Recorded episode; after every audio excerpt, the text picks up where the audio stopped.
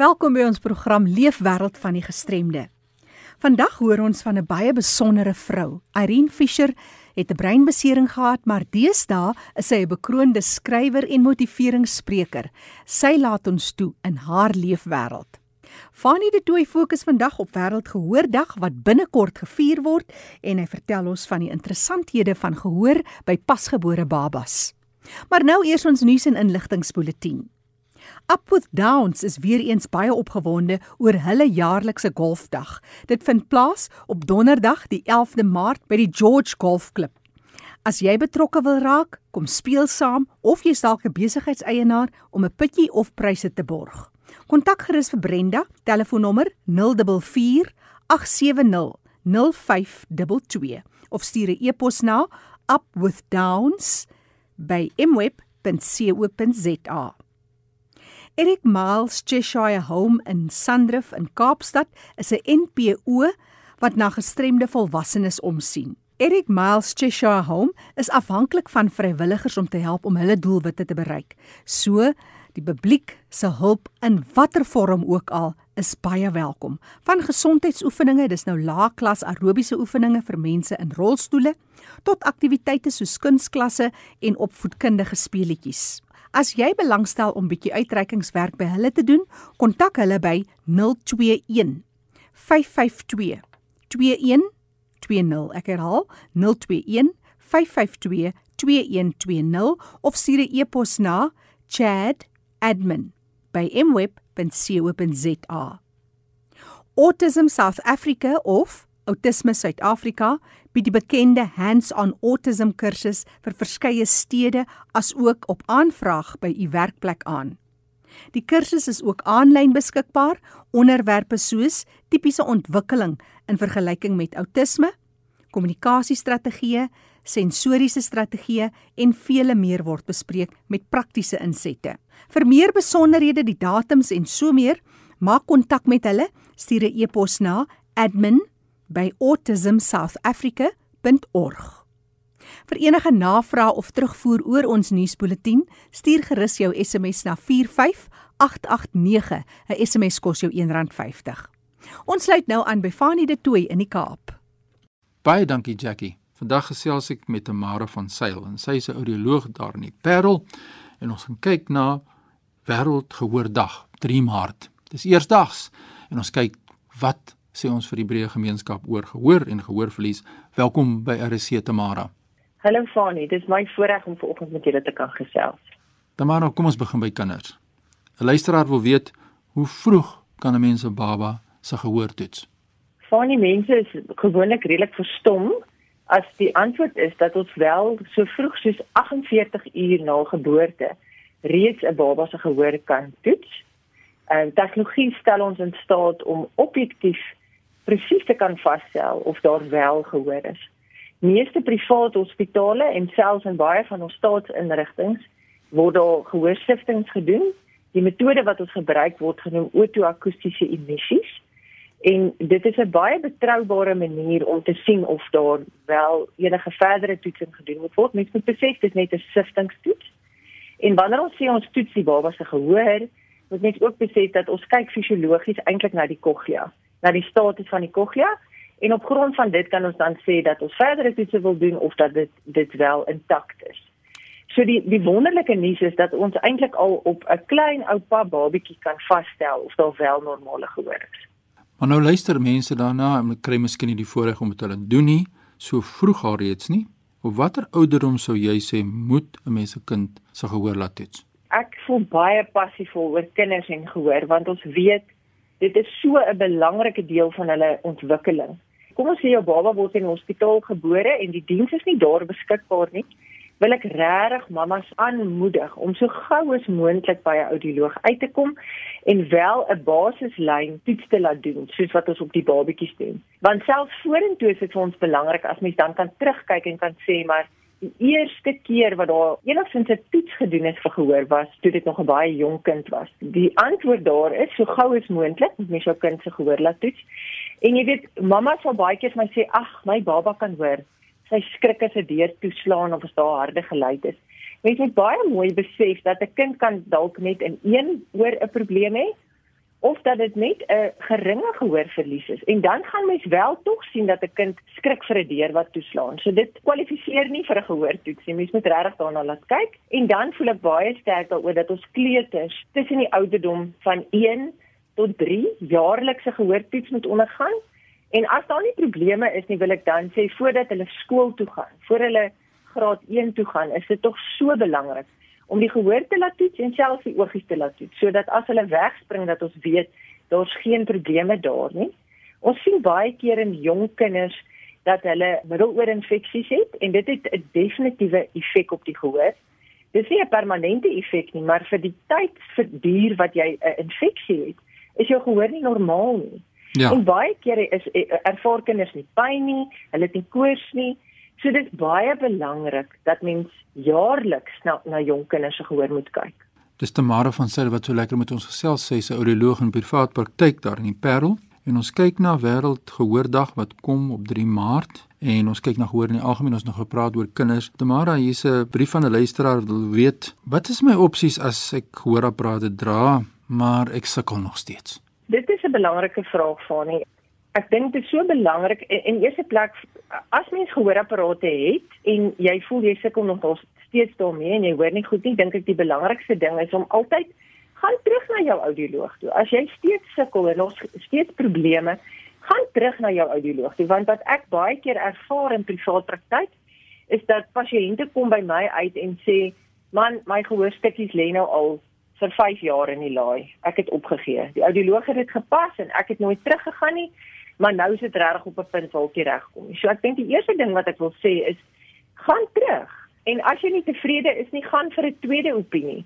Mense gehoor is so belangrik. Dit is absoluut mense kwaliteit van jou lewe wat daardeur beïnvloed word. Jou verhoudings met jou dierbares en jou interaksie, jou jou werksomgewing. Jy weet dit veroorsaak soveel spanning. Ek sien soveel pasiënte wat onder soveel spanning is as gevolg van hulle gehoorverlies by die werk. Ek wil sê hou aan soek, gaan altyd vir 'n tweede opinie, maar wat ek ook wil sê is as jy dan by die punt kom wat jy voel maar sjoe, hierdie gehoorapparate is regtig nou goed ingestel, maar nog steeds sukkel ek, veral oor die telefoon sukkel ek baie, dan moet mens na ander opsies begin kyk. Kokleaire implantings is 'n ander baie groot passie van my.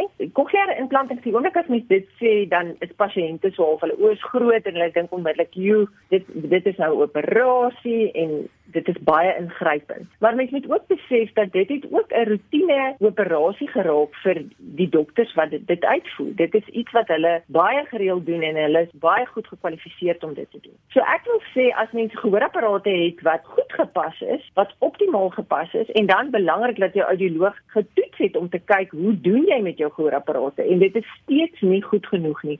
Moet mens dan begin uitreik na 'n kokleaire implantingspan. In Suid-Afrika is ons bevoorreg dat daar regtig reg oor die land, daar's 11 spanne wat die opsie bied vir kokleaire implantings en selfs staatspasiënte in die meeste provinsies het toegang tot hierdie fantastiese tegnologie.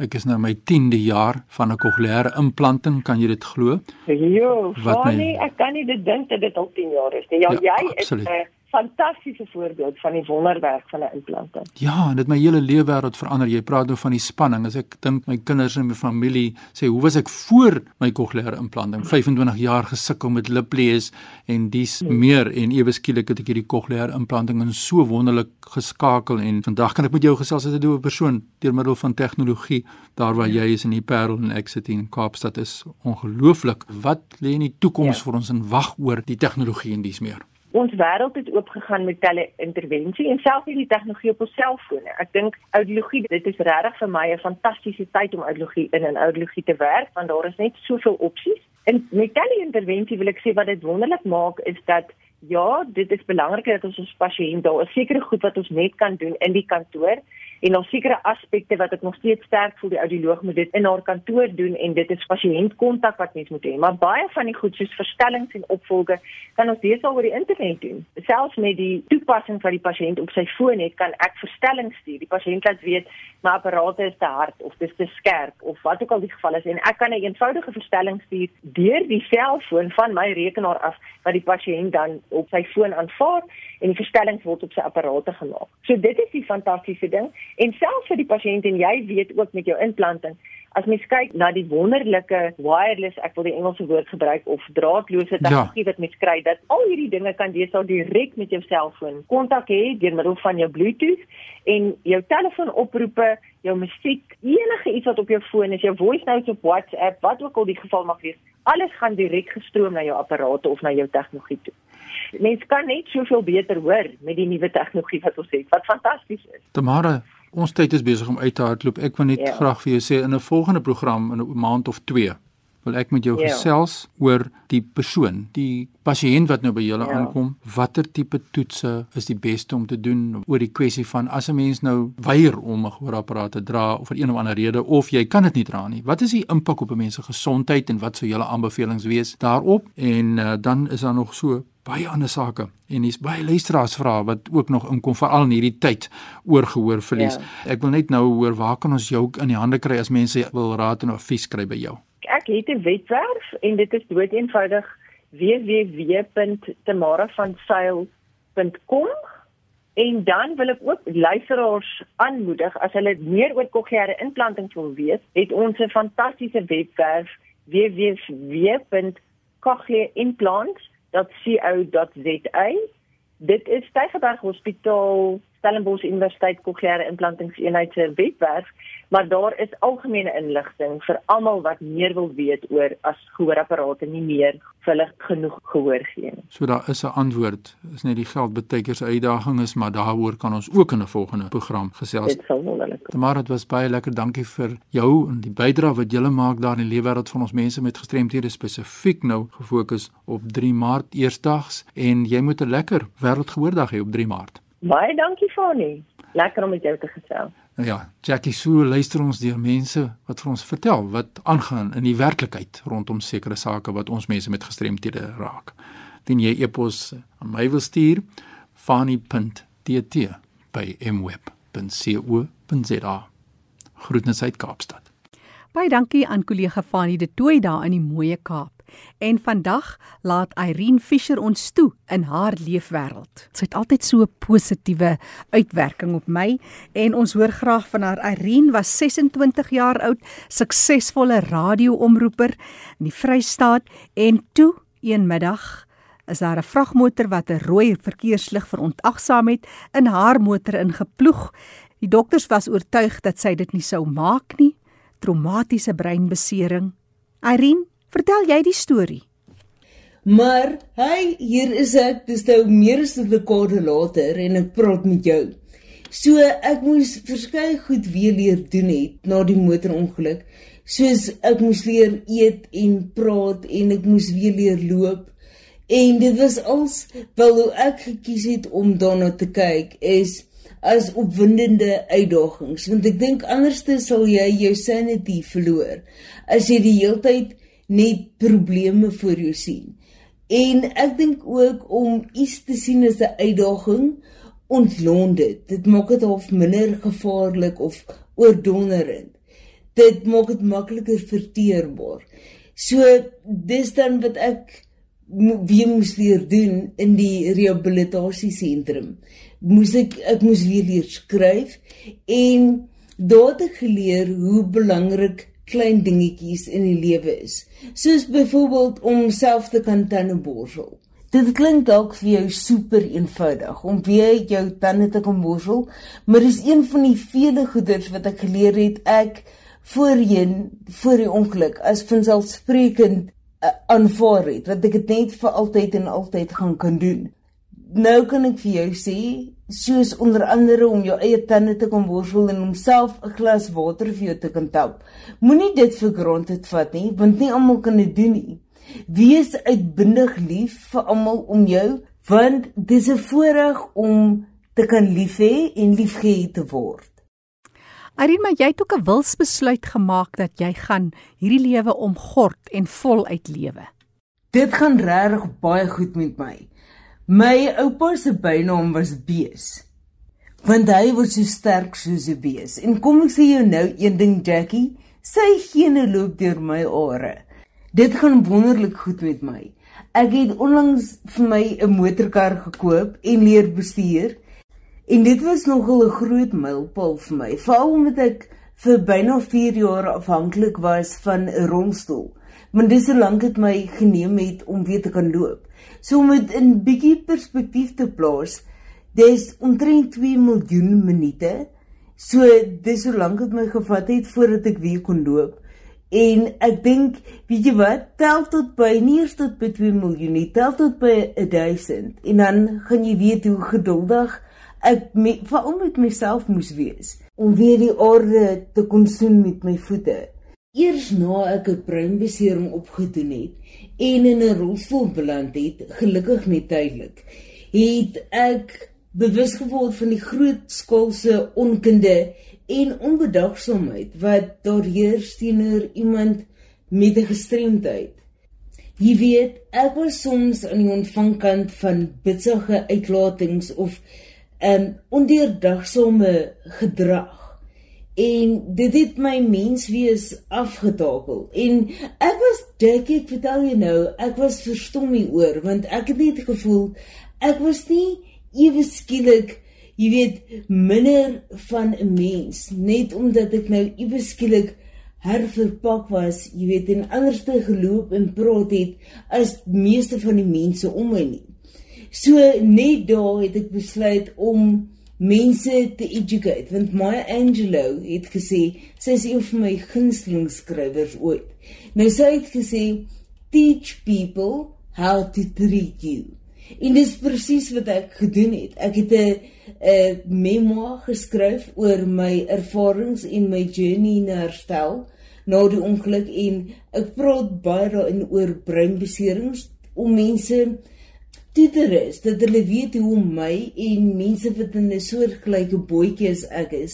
Irene, vertel ons kortliks want dit is ook juist waaroor jou boek handel om mense net bietjie meer te vertel, 'n insig te kry en die hele kwessies van breinbeserings bietjie meer verteerbaar te maak. So my boek is basies vol eenvoudige hulpvaardige raad, voel ek. Sommige vir Jan Alderman om jy weet mediese terme en prosedures te verstaan wat die woord breinbesering en en breinskade heeltemal ontlont en mense meer ontvanklik maak om iemand met 'n gestremdheid beter te ken of net uit te reik net 'n glimlag vir daai persoon te gee. Want dit is tog wat die wêreld nou meer nodig het as ooit. Is net daai empatie, meegevoel, vriendelikheid.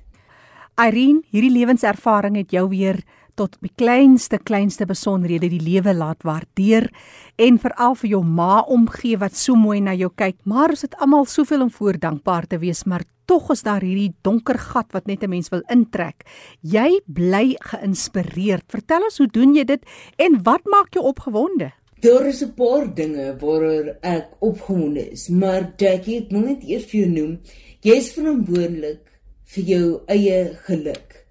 So, dis belangrik vir jou brein help dat jy 'n rotine bly en jy moet gesonde gewoontes kweek. Nou met gesonde gewoontes verwys ek nie net na gesonde eetgewoontes en 'n gesonde oefenprogram nie. Dit gaan oor soveel meer as dit. Onthou ek het vroeër gepraat oor die belangrikheid van die lewe is dit gaan oor die klein goedjies, soos om jou tande te kom borsel. Nou nie so gaan dit staan elke oggend uit die bed. Al is dit nie stelle tyd nie, staan net op, maak jou bed op, gaan stort. En dis jouself voor propel van tree na tree asemhalingsteeg na asemhalingsteeg. So wat my aan die gang hou is ek oefen nie so gereeld soos wat ek moet nie, maar ek probeer ten minste al is dit net asemhalingsoefeninge. Ek ek probeer, jy weet, in in oefening bly. 'n Ander goeie rotine wat ek probeer behou het, is om gereeld te skryf. Elke dag 3 ure en ek het vir my tyd gemaak. Jy weet, soos op skool wat jy 'n rooster gehad het, Ek het my rooster opgestel. Elke dag 9 tot 12 skryf ek. En party dae het ek nie een of twee mooi sinne geskryf nie, maar ek het probeer. I showed up. Jy weet, en dis die ding met inspirasie. inspirasie daag op as jy opdaag om te werk. So, ek is amper klaar met my volgende boek en dit gaan basies die hoofkarakter skryf briewe aan haar jonger self oor dinge wat sy wens sy geweet het toe sy 16 jaar oud was. So ek dink daar's 'n paar cool lewenslesse in. Ons gesels nou sommer ook se terloops oor die boek na aanleiding van jy wat ons nou weer net so kykie gee in jou leefwêreld en waar jy is, maar vertel ons 'n bietjie oor die idee van die boek. Nou die idee agter die boek was ek het hom Mrs. Juliet se dogtertjies gekyk en gedink, "Jo, daar is so baie wat ek hulle wil vertel wat in my kop wrimmel." En toe dink ek ek wil vir hulle 'n boek skryf, maar met die hand, pen op papier. En later toe groei dit. So my idee was glad nie om 'n tweede boek te skryf nie. Maar nou mate ek al hierdie lewenslesse wat ek jy weet die afgelope paar jare bymekaar gemaak het, begin neerpen het. Het ek gedink, "Hey, ek dink ek het ietsie hier beet." Jackie, en ek is seker as jy sit en dink wat jy vir jou jonger self kon vertel het, ehm um, as jy die geleentheid gehad het, sou jy dink jy ook 'n boek met meer as een volume kon geskryf het. Irene Fischer, bekroonde skrywer en motiveringsspreker, mens kan verstaan hoekom haar ma Julie Fischer is nie bietjie trots op haar meisiekind nie. Laat Julie Fischer nou vir jou vertel.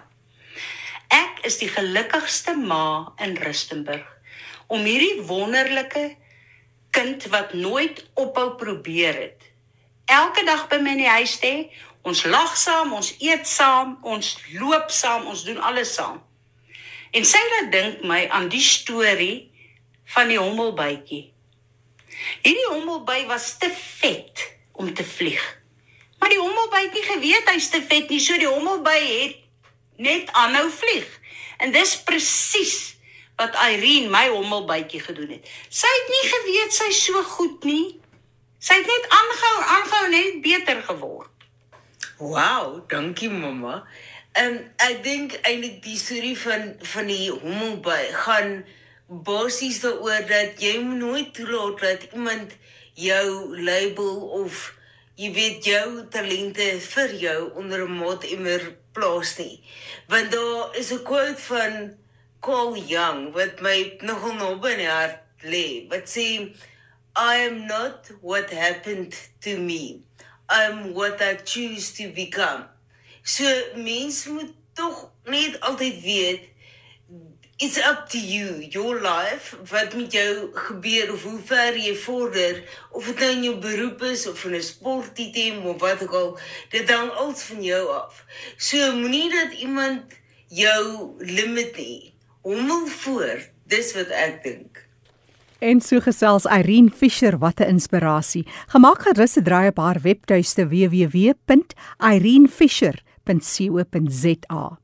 Onthou die program Leefwêreld van die Gestremde is beskikbaar as 'n potgooi. Jy kan weer daarna gaan luister gaan na erisg.co.za. Die kontakbesonderhede van ons deelnemers is ook op ons webtuiste.